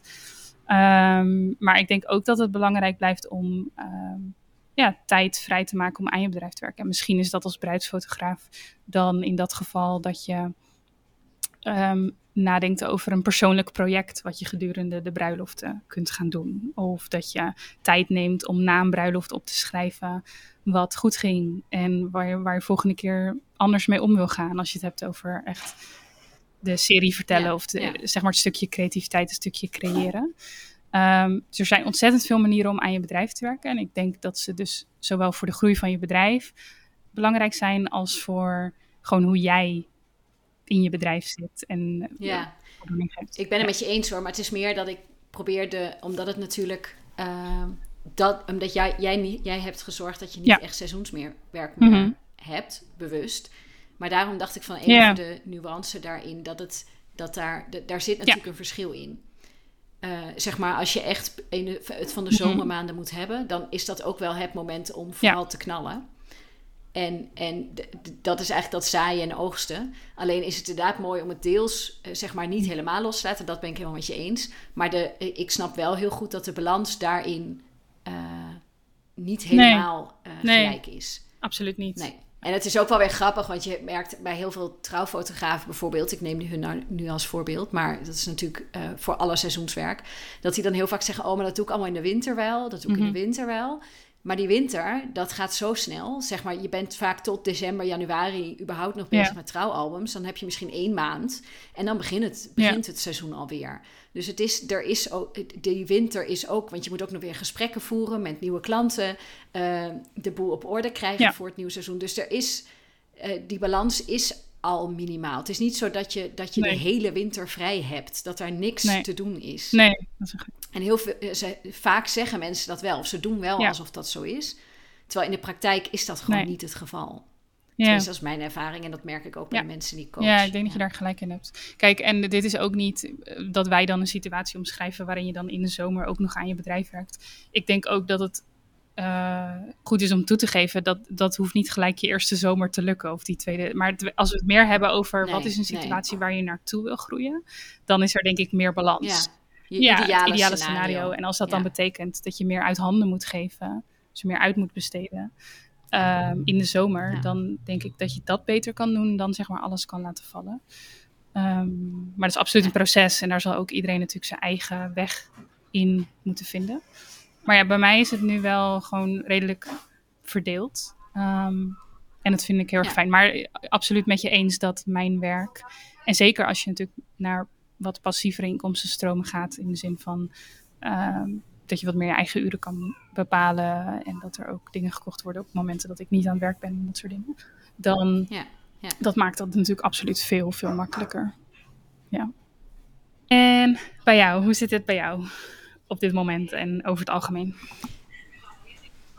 Uh, bij mij is dat net iets anders. Als in, ik uh, heb eigenlijk ik ga niet zo goed op hele vaste afspraken met mezelf maken. Of heel erg dingen vastleggen. Zo van, zo ziet mijn week eruit. Of dit moet ik per week. Dan moet ik, die balans moet ik... Zodra het iets te veel in een, zeg maar, een afspraak mhm. wordt, krijg ik, dat werkt niet.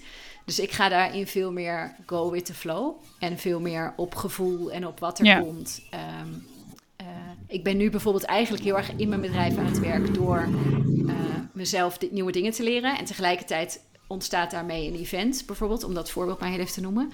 Ehm, en daarin leer ik dan weer uh, hoe ik bepaalde dingen moet aanpakken. Hoe ik, hoe ik, en dat ook, die lessen neem ik ook weer mee voor een eventueel volgende mhm. keer. Van, uh, uh, zeg maar, dan ben ik dingen aan het leren. En daarnaast maak ik een soort lijstje van... oké, dit moet ik een volgende keer anders doen. Of dit werkt goed, kan ik doorvoeren. Dus ik ben veel meer... Um, ja, ik zoek... Ik, ik, ik, ik, zit niet in een vaste vorm. Of ik spreek daarin niet hele harde deadlines met mezelf af. Ik heb, ik, dat komt misschien ook doordat ik uh, natuurlijk niet alle, zeg maar, ik ben gegaan van alle vrijheid om te werken wanneer ik wil naar eerst één kindje en nu twee kindjes met vaste werkdagen. Um, en eigenlijk past dat niet zo bij mij, zeg maar, om echt op vaste momenten te moeten werken. Ik, ik ben veel, veel meer een go with the flow. En daarin ben ik altijd op zoek naar, zeg maar, ik heb nu, dan weet ik van die dinsdag is helemaal vrij. Dat is echt mijn dag om ook in mijn bedrijf te werken, als ik daar zin in heb. of om ook aan mijn bedrijf te werken. Ik haal ze altijd door elkaar, aan mijn bedrijf te werken. En op donderdag, vrijdag eh, plan ik afspraken ook in. Dus daar is, vandaag had ik toevallig een hele dag vrij. Um, behalve de afspraak met jou nu. Maar uh, uh, morgen heb ik een aantal coaching sessies staan. En normaal heb ik dat soms op donderdag ook. Um, dus ik, die dinsdag is in principe om echt uh, aan mijn bedrijf te werken. Of om bijvoorbeeld editwerk te doen. Wat dan mhm. ook gewoon net waar ik zin in heb. Wat er ook ligt. voor mij werkt het heel fijn om, om bepaald werk gedaan te hebben. Voordat ik de ruimte voel om ook echt te gaan creëren. En, en echt aan mijn bedrijf te gaan werken. Dus daar ligt het ook heel erg aan. Dus in het hoogseizoen voel ik ook gewoon minder ruimte om echt uh, te creëren, uh, nieuwe dingen te verzinnen. En dan zo nu tegen het einde van de zomer merk ik al dat er, dat er ruimte in mijn hoofd komt. Dat ik zin heb om richting de winter uh, weer plannen te maken. Maar dat is het, zoals ik heb nu ook wat plannen liggen voor begin volgend jaar om, om te ontwikkelen. Maar ik wil ook wat. Dus januari heb ik geen coaching sessie staan, omdat ik twee live dagen heb, waar jij toevallig ook bent. om te fotograferen. Maar verder is die hele maand vrij. Wat ik heel lekker vind. Om gewoon een hele maand en uiteindelijk gaat dat super snel, want het zijn natuurlijk maar een paar dagen in de week die ik dan echt vrij heb. Het is niet dat de hele maand dan vrij is. Maar um, daar heb ik wel heel veel zin in, om dat soort, uh, zeg maar, en dat, dat plan ik wel vooruit. Of als ik dan echt zie van, oh, dan heb ik al heel veel afspraken staan, zet ik kruis in mijn agenda van, die dag is gewoon ja, vrij te dat zijn. Dat doe ik ook inderdaad. En ik heb voor mezelf ook, ja, en ik heb voor mezelf nu ook bedacht om bijvoorbeeld één keer per maand een wandeling te gaan maken mm. in Nederland. Dus gewoon in mijn eentje een, een wandeling te, te maken omdat ik, en dat waarschijnlijk op een dag dat ik eigenlijk de kindjes zou hebben. Dus dat ik dan los van mijn werk een dag echt voor mezelf in de maand heb. Uh, kindjes naar opa en oma of naar wie dan ook. Uh, wel iemand die ik ken. Nou wel. ik steek erop ze niet zomaar. Ja, ik zat te twijfelen, zet ik ze bij de supermarkt. Maar ik denk dat ik ze toch wel naar bekenden doe. Uh, maar wel om dan ja, zo ben ik. Maar omdat ik gewoon merk van, en dat is constant, die balans moet ik constant. Dus ik ben gewoon heel erg op zoek naar wat maakt, wat heb ik nodig om ook een leuke moeder te zijn, om een leuk mens te zijn. En dat is soms iets meer uh, vrijheid. En ik neem die vrijheid nu op werkdagen, maar ik wil die vrijheid eigenlijk buiten mijn werkdagen om gaan pakken. Dus bijvoorbeeld dat ontdek ik dan. Ik denk, oh, daar heb ik toch wel meer behoefte aan dan dat ik me, me mezelf geef. Heeft weer met die verzachting te maken. Dat ik denk, oké, dat ga ik dan één keer per maand doen. Of ik ga naar het museum, of ik ga een wandeling maken. Maar gewoon, uh, ja, dat soort uh, dingen doen.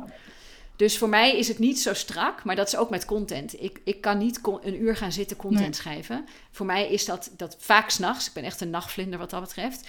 Uh, s'nachts ben ik mega creatief. En vaak s'nachts komen er ideeën, ga ik schrijven. Uh, en ontstaan er uh, dingen. Maar dat is heel erg in, een, in het moment als ik het voel. En niet zozeer op vaste gezette tijden. Dus ik ben wat dat betreft, uh, is het heel anders dan hoe jij werkt. Maar dat is ook leuk. Dat mensen, ja. ik vind dat altijd. Ik vind het van jou, vanuit jou weer heel leerzaam om dingen te horen hoe jij werkt. En dat probeer ik dan. Uh, zeg maar, sommige dingen probeer ik te implementeren. Of ik denk, oh, dit werkt goed. Of die bijvoorbeeld die themadagen, dat ik op een gegeven moment merkte, oh, die dinsdag moet ik gewoon echt vrij plannen. Niet al mijn werkdagen ook allemaal aan anderen geven, mijn energie. En dat werkt voor mij heel goed. Uh, dus dat heb ik dan weer van je gejat of van je geleerd. dat ik denk, oh ja, dat, dat is wel fijn. En andere dingen denk ik wel, oh ja, dat vast, op vaste gezette tijden dingen, uh, zeg maar, afspreken, dat werkt voor mij niet. Omdat ik gewoon echt die flow moet voelen of...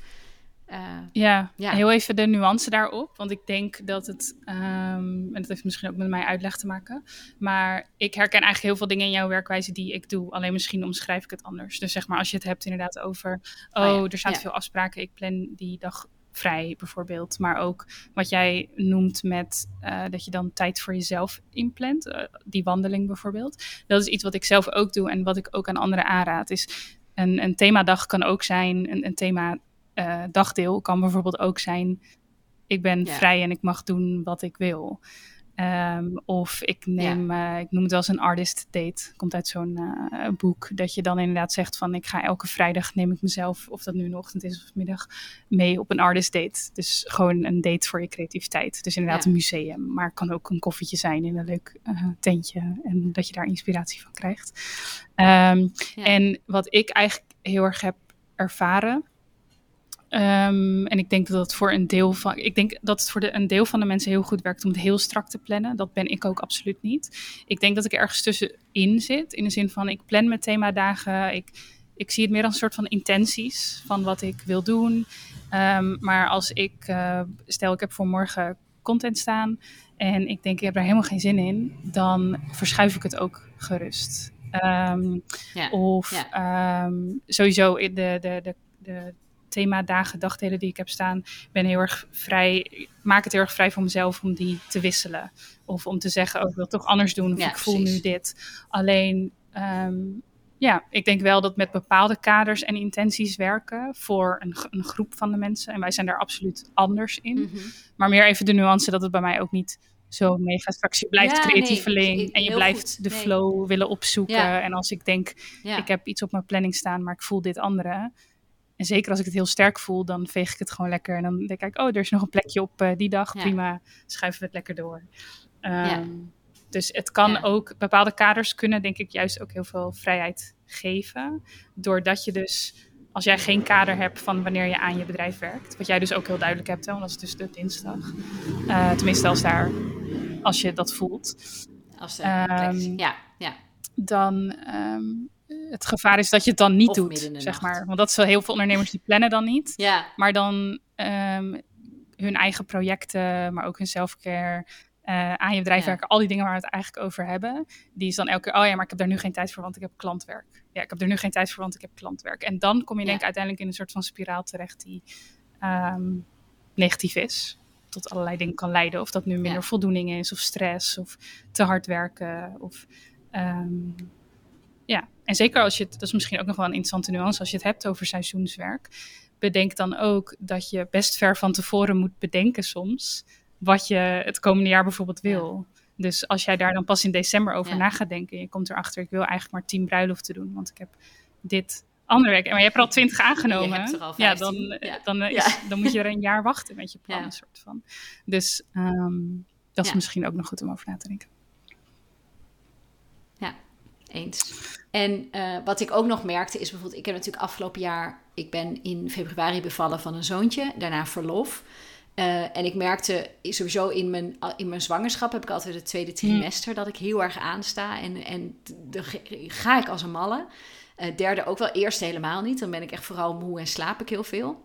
En ook daarna, zeg maar, kom je uit je verlof. Dat ik ook nu, terwijl iedereen al best wel moe is. Of zeg maar als je een hoogseizoen hebt qua bruiloft, wat ik ook wel had.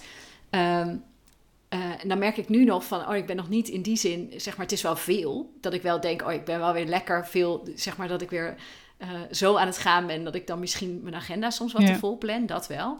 Maar wel, ik zit wel heel erg in die, oh lekker en oh zoveel en zo tof en allemaal toffe projecten en, en um, dus dat ik dan nog niet, zeg maar, door, ook door mijn verlof, dat soort van je seizoen daarmee ook verlaat ja. of zo. En ik heb bijvoorbeeld voor volgend jaar uh, ook door Vita, wat we natuurlijk uh, gelanceerd hebben, ik heel juni nu voor het eerst in jaren gewoon een streep door juni gezet. Ik neem geen enkele bruiloft aan die maand. Dat is zo lekker. Dus ik kwam heel veel aanvragen binnen voor juni en het doet ook geen pijn. Het is ook niet, niet rot. Dat ik gewoon denk, ja nee, die maand ben ik vrij. En ik heb nu sowieso mijn agenda dichtgegooid tot en met eind juni. Omdat ik op een gegeven moment aan het kijken was, dat ik dacht, oh ik heb die coaching natuurlijk staan en, en de bruiloften die al staan. Weet je, het is wel even goed. En dan heb ik juni de hele maand vrij. Hoe lekker. En dan... Uh, ja, dat, dat zijn inderdaad is dat fijn om vooruit te plannen en gewoon af en toe even te kijken wat staat er eigenlijk al. Wil ik daar nog meer bij? En ik, ben, ik ga ook heel goed op speelruimte hebben, zeg maar, om te kunnen creëren. En dat was er, dat, als ik dan nu nog allemaal bruiloften zou aannemen, dan is die speelruimte er niet meer. Dus nu heb ik eigenlijk nog voldoende ruimte om ook nog uh, nieuwe dingen te maken. Ja, ik vind dat zo'n mooie paradox dat je, je plant dan dus eigenlijk voor speelruimte. Waarvan misschien in eerste instantie kun je daar misschien weerstand op hebben. Maar ja, anders gebeurt het niet. Dus je kan beter plannen voor speelruimte nee, en dan zie je het wel. Ja. En het is niet eens, het voelt op mij helemaal niet als weerstand. Het is gewoon nu, ik gooi mijn agenda dicht en ik weet nog niet hoe ik de rest, zeg maar, de open plekken ga invullen. Maar dat vind ik heel lekker. En ik heb heel veel plannen. Zeg maar, ik heb een heel eh, aantal hele toffe dingen liggen die ik gewoon volgend jaar uh, online wil krijgen. Uh, en dat ga ik dan creëren of maken, of dat is wel het idee. Dus ja, echt heel tof. Dus ik heb daar vooral heel veel zin in. Ik denk dat dit wel een mooi bruggetje is naar de vraag. Want wij spreken nu allebei vanuit een bepaalde situatie waarin we ons bedrijf een tijd hebben, bepaalde groei door hebben gemaakt. Dus de dingen die je ons hoort zeggen, ik kan me voorstellen dat uh, niet iedereen die naar deze podcast luistert al die keuzes kan maken. Dat niet iedere bruidsfotograaf kan zeggen: ik gooi juni dicht. Ehm, als je wel ergens die ruimte hebt, wel heel tof om over na te denken natuurlijk. Om dat jezelf wel te gunnen. Eventueel mee te gaan naar Vita. Ehm, maar ehm, wij spreken vanuit een bepaalde luxe positie op dit moment. Die we absoluut zelf gecreëerd hebben. Want ik bedoel, dat is ook een verdienste van al die jaren keuzes maken buiten je comfortzone stappen en dat soort dingen. maar ik denk dat het wel goed is om in te gaan op de, de vraag die daar eigenlijk over gaat. Holly Um, zij luistert onze podcast, superleuk. En zij ehm, eh, vroeg aan ons, uh, ik zal maar voorlezen. Ze zegt, ik ben heel benieuwd wanneer voor jullie het punt kwam, wanneer het echt lekker ging lopen binnen je bedrijf. En wanneer het meer in je bedrijf uh, werken was in plaats van aan je bedrijf. Dus zij is benieuwd naar dat kantelpunt, waarop we eigenlijk ja, voldoende klanten kregen. In de zin van dat je dus ook best wel veel in je bedrijf aan het werk bent. Dus dit gaat eigenlijk niet over waar wij zeggen van hé, hey, maak ook tijd vrij om aan je bedrijf te werken. Heb je op het begin natuurlijk een periode uh, dat je misschien zeg maar heel veel aan je bedrijf aan het werken bent. En dat je zoiets hebt, oké, klanten, ik wil klanten, ik wil werken. Um, ja, weet jij nog wanneer dat punt voor jou was? Dat kantelpunt, dat het echt lekker, lekker begon te lopen? Ja, heel snel. Omdat ik, uh, ben, ik mijn bedrijf staat in februari tien jaar. Dus toen, maar toen zat ik nog op school, dus ik, ik, ik, ik studeerde nog. En het is eigenlijk heel organisch gegaan. Dus ik heb in 2015, ik had nog geen bruiloft te staan toen ik me inschreef. Uh, maar ik wilde graag bruiloften gaan doen. Dat ben ik toen gaan. Toen heb ik een steltshoot gedaan. Ik heb een, een paard geregeld. Een, oud, een bruidspaard die al getrouwd was en hun trouwkleding had. Ik heb zelf haar make-up gedaan. Een boeketje geregeld bij een bloemist en foto's gaan maken. Met die foto's heb ik dat eerste jaar 15 bruiloften binnengehaald. Ik had het voordeel dat mijn schoonzusje ging trouwen en, uh, en mijn nichtje, waarvan ik ook de bruiloft mocht fotograferen. Maar aan de hand van in 2000, dat was dus eigenlijk 15 mei 2015 fotografeerde ik mijn eerste bruiloft. Maar toen studeerde ik dus nog. En het jaar daarna studeerde ik af in juli. Maar dat jaar fotografeerde ik ook 28 bruiloften. Dus 2016 had ik al 28 bruiloften staan. En dat is eigenlijk is het kantelpunt misschien een beetje gekomen met dat ik ook gewoon fulltime ging fotograferen. Als in, ik zette op 1 juli 2016 een handtekening onder mijn diploma en ben fulltime gaan fotograferen. En dan had ik het geluk dat ik die winter nog een kindervoorstelling speelde. Dus daar haalde ik nog wat inkomsten uit om dat eerste, die eerste winter te overbruggen. Dus echt fulltime fotograferen deed ik eigenlijk vanaf april 2017, om het dan maar zo te zeggen. Maar um, dat is eigenlijk is met, de, met de keuze om fulltime te gaan, is, is heel organisch die kant erin gekomen naar. Ik, ik, en ik heb ook niet, ik heb helemaal niet gerekend, kon ik, kan ik wel, kan ik dit wel fulltime gaan doen? Ik heb gewoon een handtekening gezet op mijn diploma. Ik had geen plan B, ik ben het gewoon gaan doen. Ik heb helemaal geen, ik heb geen enkele berekening erop losgelaten van ga ik genoeg verdienen? Ga ik deze winter kunnen overbruggen? Ga ik uh, genoeg bruiloften volgend jaar binnen kunnen halen? Uh, dus er zat helemaal geen angst. Het was gewoon een soort. Ik had, was helemaal niet een optie om het niet te doen. Nee. Mooi. Hoe, hoe kijk je daarop terug? In de zin van: ik ben wel benieuwd. Uh, ja, ook, ook wat je iemand anders zou adviseren in die situatie. Gewoon gaan? Ja, eigenlijk wel. Als, als jij er, ja, ik, ik, ik geloof niet dat angst een hele goede raadgever is. Dus, dus ik. Uh, uh, dus je kan alles helemaal gaan uitzoeken. Maar als jij gewoon voelt diep van binnen: dit is wat ik wil doen, dit maakt mij gelukkig. Je hebt fucking één mhm. leven. Dit is het. Hier moet je het mee doen. Dus doe dat wat je doet, dat wat jou gelukkig maakt. Ga daarvoor. Verzin geen plan B. Ga niet denken over wat als het niet lukt. Ga er gewoon mhm. voor. Doe het gewoon. En als jij het echt wil en echt voelt dat dit je droom is, dat dit is wat jou gelukkig maakt, dan heb je ook geen plan B nodig en dan heb je ook geen twijfels nodig. Dat, dat gaat je allemaal niet helpen. Want als jij. Eh, ga gewoon voor je geluk. Ja, mooi. Ja, dat. En, en ik voel gewoon heel erg van. Ehm, dat, is, dat is waaruit ik alle keuzes maak. Maar dat is gewoon iets waar ik heel erg in geloof. Van je hebt mij. We, hebben, we zijn nu hier. En misschien houdt het over vijf jaar op of over tien jaar. En misschien word je negentig. Maar heb geen spijt. En, en, en ben, weet aan het zeg maar, als jij op je sterfbed ligt of als het klaar is, ehm, dat je dan alles eruit hebt gehaald. Ja, die, die voel ik gewoon heel erg. Dus da, dat, en dat, dat, dat is waaruit ik denk ik alle keuzes ja. maak. Dat ik denk, ja, fuck it.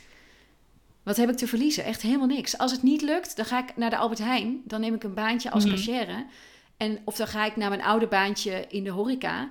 Ga ik daar mijn geld bij. Weet je, uiteindelijk, je kan altijd Ja. geld verdienen. Echt altijd. Ja, mooi. Dus, dat, dus ik heb geen angst. Ja, en ik heb geen plan B. Goed zo. Ja. En hoe is dat dan voor jou? Heb jij dat dan, hoe, hoe heb, ben jij hier, zeg maar, eh, heb jij wel een kantelpunt gehad, heel duidelijk van A naar B? Ehm, ik, ja, ik moet eerlijk zeggen dat het bij mij ook heel snel ging. Ehm, dus ik, ehm, jaartallen weet ik nooit helemaal goed. Maar ja, mijn bedrijf staat, bestaat nu langer dan 12 jaar, zeg maar. Bijna 13 jaar de KVK-inschrijving. Eh, niet dat dat op het begin zoveel om handen had hoor, maar het is gewoon ook... eh, dacht inderdaad, volgens mij jij dat ook, dat je denkt, nou dat moet dan. Terwijl op zich kan je daar ook nog even mee wachten. Maar het is ook wel leuk als ik daarop terugkijk, dat ik denk, oh, ik ging gewoon naar de Ja. KVK en ik dacht, ik ga dit serieus nemen, ik ga dit doen. Ehm, ja, ik had mijn, eh, mijn eerste, ik heb sowieso voordat ik bruidsfotografie deed, heb ik wat modefotografie gedaan. Ehm, maar nooit echt super serieus, ook omdat ik me gewoon niet echt goed thuis voelde in die wereld. Dus pas toen bruidsfotografie op mijn pad kwam, toen kwam voor mij ook het besef van. Toen voelde ik echt van, oh, dit is wat ik wil doen, zeg maar. Dus toen kon ik ook echt pas die keus maken eh, om uiteindelijk mijn rechtenstudie eh stop te zetten. Maar ik fotografeerde het eerste jaar zes bruiloften, waarvan drie als second shooter. Ehm, en mijn eerste bruiloft kwam echt via, ik weet nog, via de Facebookgroep van eh, eh, Nikon, van dat cameramerk, waar ik toen mee schoot. En Oh, daar was leuk. iemand die zei, ik zoek een bruidsfotograaf. Eh, maakt niet uit als diegene nog niet, geen bruiloft heeft gefotografeerd. Het enige wat ik wil is dat diegene scherpe foto's kan maken. En toen dacht ik, hé, hey, dat kan ik. dus toen heb ik contact op en dat was mijn eerste bruiloft. Ehm, Wat een goede voorwaarde ook. ja, dus toen dacht ik, hé, dat kan ik. En ik weet nog dat ehm, ik ging daar ook echt inderdaad zonder angst in. Ik ging wel zeg maar opzoeken online wat dingen over bruidsfotografie, wat dingen lezen. En mijn moeder, die vond het echt super spannend. Want die zat echt zo van, maar besef je dan wel hoe groot verantwoordelijkheid dat is? En die, die was er zo mee aan, zeg maar. En dat is eigenlijk ook altijd zo gebleven. Dat zeg maar in al die stappen die ik zette, dat moeder elke keer zo zat van, oh, wat ga je doen? En zeg maar wel met, met volle steun. Maar wel dat zij het altijd spannender vindt dan ik. Dat is heel grappig. Maar goed, ja, die heb ik toen gedaan. En toen kreeg ik op basis van die foto's nog een aanvraag van iemand waarmee ik op de basisschool zat. Die ging trouwen, die, die bruiloft gedaan. Daarmee, second, eh, eh, daarmee heb ik eh, toen Amanda Drost een bericht gestuurd met die foto's. Van hé, hey, ik heb dit gemaakt. Ik zou graag van je willen leren second shoot. Dat heb ik al een paar second shoot. En ja, dus dat eerste jaar zes bruiloften. Toen deed ik een bruidsfotografie workshop bij Anoushka Rokenbrand. Eh, toen een grote naam in Nederland. Ehm, zij is volgens mij verhuisd naar de States en doet andere dingen. Maar eh, ja, zij eh, maakt echt hele toffe dingen, hele goede workshops en dat soort dingen ook. En toen leerde ik over marketing eigenlijk voor het eerst. Dus toen leerde ik over, oh, je kan foto's sturen naar leveranciers en dan zeggen van, oh, je mag ze gebruiken, maar met naam erbij en maak blogs en dat soort dingen. En daar ging ik heel erg op aan. Eh, ook een mooie website gemaakt en dat soort dingen. En toen had ik het volgende jaar had ik 35 boekingen. En een, terwijl ik ook nog in de marketing een bijbaan had. Dus ook zoiets. Een bijbaan in de marketing, terwijl ik nul ervaring had. Maar ik had gewoon gesolliciteerd en dat kwam goed. En nou ja, ik werkte uiteindelijk ehm 24 uur in de marketing voor een ehm designmeubelbedrijf, een webshop. En 35 boekingen. Waarvan ik nu terugkijk en denk, hoe? hoe heb ik dat gedaan? Maar goed, was toen ook... Ja, ehm, echt, ik precies 21 hetzelfde. 20 of 21. Ja, dus ook echt andere Ja. levensfase. Ehm, ik denk dat ik zelfs ook nog die zomer wel nog wat horecawerk heb gedaan of iets dergelijks. Geen idee. Ik was alleen maar aan het werk. Maar goed, mijn bedrijf groeide echt, echt keihard. En daarna heb ik nog volgens mij eh één of twee jaar nog 35 bruiloft geschoten. En toen wat gaan afbouwen en beter gaan uitzoeken wat ik wilde. Maar ehm, ja, was dus echt ontzettend snel dat dat ging. Ja, dus dat kantelpunt. eh, ik heb eigenlijk heel weinig op het begin aan mijn bedrijf gewerkt. Ik kon heel snel in mijn bedrijf werken, omdat ik ook gewoon alle kansen aanpakte. Die eerste bruiloft die ik Ja. deed, daar kreeg ik 150 euro voor betaald. Boeide me helemaal niks. Want ik kon mijn eerste bruiloft fotograferen. Nee. Weet je? Gewoon, kom Ja. maar op. Ja. Ehm, en ik denk dat ik dat vanaf het begin heb gedaan. Heel actiegericht. Gewoon alle kansen die ik zie. Ook altijd als ik een idee heb. Of ik zie bijvoorbeeld. Ik ben nu bijvoorbeeld hier in eh, Santa Teresa. En zitten best wel wat leuke winkels, bedrijven, kunstenaars. En als ik iets zie en ik denk, hé, hey, daar zou ik voor willen schieten, dan stuur ik gewoon een bericht. Ik ga niet afwachten totdat mensen naar mij toe komen. En soms is dat vrij werk, Nee. soms pitch ik mezelf Nee, ook gewoon. En ik denk dat ik dat vanaf het begin al gedaan heb. Gewoon, ik ga niet zitten afwachten tot het op Ja. mijn pad komt. Hetzelfde wat jij nu met je event doet. Maar ik ga gewoon actie ondernemen, actie ondernemen, actie ondernemen, actie ondernemen. En ik denk dat een van de redenen is waarom het zo snel is gegaan. Ik vraag me ook altijd wel een beetje af of de Ja. tijd nu anders is. Ik bedoel, we zien natuurlijk ook gewoon aan de aantallen dat er heel veel meer fotografen zijn. Maar ik geloof absoluut dat er nog steeds heel veel ruimte is. En dat mensen misschien soms net iets snel een ik denk dat soms een beetje het probleem is. Ehm, ja. Ja, dat. En ik denk dat mensen ehm, eh, niet meer zo goed durven, ehm, zeg maar, eh, veel kijken naar Mm. anderen en dat nadoen in plaats van hun Ja. eigen plan trekken. Dus dan, dan blijf je allemaal in een soort middenmoot hangen. Als je niet deur, eruit durft te stappen of het niet doet omdat je te veel Ja. om je heen kijkt. Ik denk dat dat ook voor een heel groot deel ehm, ja, een, een Ja. probleem is, of net hoe je het noemen wil. Ja, Maar- dat zou goed kunnen. Daar heb ik ook best wel vaak over nagedacht. Dat wat ik toen ervaarde eh, in die tijd, was ik zat zo erg in mijn eigen bubbel. Dat gewoon, ik ga bruidsfotograaf Ja. worden. En ik heb geen Ja. idee hoe het moet. En ik ga wel Ja. kennis hier en daar vandaan halen. Maar ehm, was inderdaad gewoon heel Ja. erg van, ik doe gewoon wat ik denk dat goed is. Eh, ik volgde bijna geen andere bruidsfotograaf. Zeker de eerste twee jaar niet, denk ik.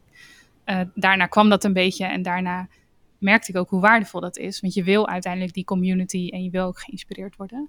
Maar ik ben inderdaad wel Ja. heel dankbaar voor die soort van naïeve bubbel. Waarin ik dus gewoon dacht, oh, bruiloft fotograferen. Nou, prima. ik ga het gewoon doen. Ja. Ja. ja, en niet meteen. En dat je jezelf de groei gunt. Dus gunt om, om het Ja. nog niet te weten en, en het te leren. En dat is tegenwoordig, dat vind ik, dat is het grote verschil volgens mij. Eh, dat mensen nu meteen eh, eh, een tien willen zijn en, en niet daar naartoe Ja. willen groeien. Ja, ik denk dat je daar een goed punt hebt.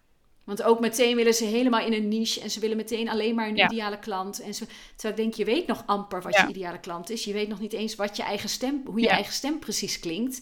Wat jouw visie is, daar moet je in groeien door te doen. En die verwachten dat je dat gewoon kan uitschrijven. Zo van, dit is mijn visie en that's it. Ja, zo werkt het. Het, het moet ook in lijn zijn met wie jij bent, waar jij voor staat. Het heeft met zoveel meer te maken dan enkel een papiertje of een A4'tje Ja. volschrijven. Ja, het is gewoon echt werken. En ik denk in die zin dat inderdaad, ik geloof Ja. echt dat actie de nummer één drijfveer is. Ja. actie. En soms is het een goede actie, soms is het een slechte actie. Maak een beslissing en, maak een en, en koppel daar acties aan. Dat is gewoon echt de beslissing maken om ergens voor te gaan en vervolgens in de actiemodus. Ja. Ja, absoluut. Ja, dus ik denk inderdaad bij ons allebei dat dus dat kantelpunt heel snel kwam. Kijk, waren het niet dat ik Ja. dat eh, wij en men over het algemeen. Ik denk dat je op het begin gewoon altijd. eh, je zou misschien kunnen zeggen te hard werkt voor wat je verdient. Maar nogmaals, dat hoort er ook bij. En dat Ja. ze ook gewoon eh, ervaring opdoen en investeren Investeren. in de toekomst. Ehm, maar dat kantelpunt ja, kwam dus al eh, vrij snel eigenlijk. We gaan hem afsluiten. Lange aflevering dit, maar ik eh, denk eh, waardevol. En eh, nogmaals, Denk mocht je ook. deze aflevering luisteren en een vraag hebben voor de volgende keer, laat ons weten. We horen natuurlijk ook heel erg graag wat je vindt van de podcast. Of je feedback hebt, wat je leuk vindt. Wat je je mag ook zeggen wat je minder leuk vindt. Ehm, maar het zou tof zijn om ja, in gesprek te blijven met jou als luisteraar. Zodat we ook de podcast steeds beter kunnen maken. Ja, laatste vraag, laatste afsluitende vraag. Wat ga je de komende maand doen? Waar ligt je focus? Nou, mijn focus ligt golf verrassend op, eh, voor nu heel erg op Ja. volgende week. Dus op mijn event. En om dat allemaal ehm, in goede banen te leiden. En, en eh, ja, daar, daar zit mijn volle focus voor nu. En daarnaast heb ik dus nog wat fotografieklussen eh, die ik ga fotograferen waar ik heel veel zin in heb. Dus eh, het is een beetje, de, het is echt weer de combinatie. En ik heb de, de coaching loopt gewoon door. Ik heb nog een kickstart staan met iemand die eh, in een half jaar traject stapt, mijn eerste man. Dus dat vind ik heel leuk. en coaching sessies. Dus dat loopt allemaal gewoon door en daar haal ik heel veel plezier en energie uit. Dus ja, dat heeft eigenlijk voor, voor nu mijn focus. En eigenlijk, ja, wel lekker. En ook een beetje richting december. In december probeer ik verder een beetje rustig te houden. Los van de opdrachten, uh, de fotoklussen die staan en de uh, coaching die staat, ga ik dan gewoon lekker in mijn bubbel. Ik ben druk bezig met mijn doelen voor volgend jaar concreet te krijgen. Die heb ik al wel redelijk concreet, maar daar even goede stappen en acties aan verbinden. Dus ja, dat is mijn focus. Tof dat jij dat ook zo vroeg doet je, je doelen stellen. Ja, ja, ja. Ik ben ook met al mijn, mijn mensen die ik coach allemaal nu, is allemaal komende maand, uh, gaan, omdat ik zei van dan kunnen we hem in december eventueel nog bijschaven of, of uh, kijken of het allemaal goed voelt. Maar dat we er nu alvast zetten, dat is gewoon lekkere focus voor het nieuwe jaar. Ja, tof. Ik geloof dat zo erg. En dat is een kleine sneak peek ook wat betreft mijn herlancering en strategisch plannen. Dat ik denk dat januari gewoon te laat is om het te doen. En kijk, als het niet anders kan, prima. Hè? Maar als het eerder kan, doe het dan. Want in januari, um, ja, nogmaals, hoe mooi is het als je gewoon al kan, kunt beginnen met het idee wat je wil. Ook al kan het nog veranderen, maar het is gewoon goed om die intenties te hebben. Om dat richting hebben. En dat is eigenlijk wat een doel doet, in mijn ogen. Maakt dat je acties kunt ondernemen. Dat je die beslissingen kunt ondernemen. Dat je in actie kunt gaan. En in januari word je denk ik ook altijd een soort van vliegt het ook om je oren toch zeg maar van dat er al zeg maar dat er dan heel veel gedeeld wordt over weet ik veel goede voornemens en doelen en dat soort dingen. En het is als jij gewoon kunt zeggen joh lekker ik heb dat al gedaan ik heb een voorsprong ik ga gewoon beginnen. Um, en ja voor mijzelf nodigt november en december daar ook altijd wel heel erg voor uit. Gewoon richting het einde en hoe cliché het dan ook is.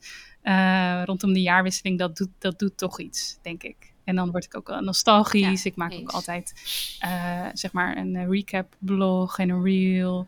Even door al je foto's heen, uh, je favoriete werkdelen. Um, maar ook opschrijven waar je trots op bent en dankbaar voor bent. Um, heel goed. Dus daar heb ik heel veel zin in. Dus daar ligt um, ja, ook mijn focus de komende tijd. Uh, samen met die herlancering van strategisch plannen natuurlijk. Dus ik vind het altijd fijn dat die processen ook samenlopen. Dus dan ben ik ermee bezig, maar dan kan ik daar direct ook content over delen en anderen me inspireren en eventueel verder helpen met de training. En ik heb nog wat uh, vrij werk staan, ook om hier te maken met een kunstenares. Um, ik heb eerder een shoot met haar gedaan en dat was heel tof. Ik ga nu weer shooten in haar atelier. oh, ja. met haar. Oh, heel tof. Dus dat. En verder uh, genieten van nog drie weken hier. En dan uh, een paar dagen in Nederland. En dan naar Portugal. Goed vooruitzicht. Heel fijn. Zeker. Yes, dat nou. was het voor vandaag. Ja, dankjewel dat je hebt geluisterd naar ons, uh, onze verhalen. En uh, we hopen dat je het uh, inspirerend vond. Of dat je daar iets aan hebt gehad. Of dat het gewoon lekker tijdsverdrijf is. Dat is ook helemaal goed.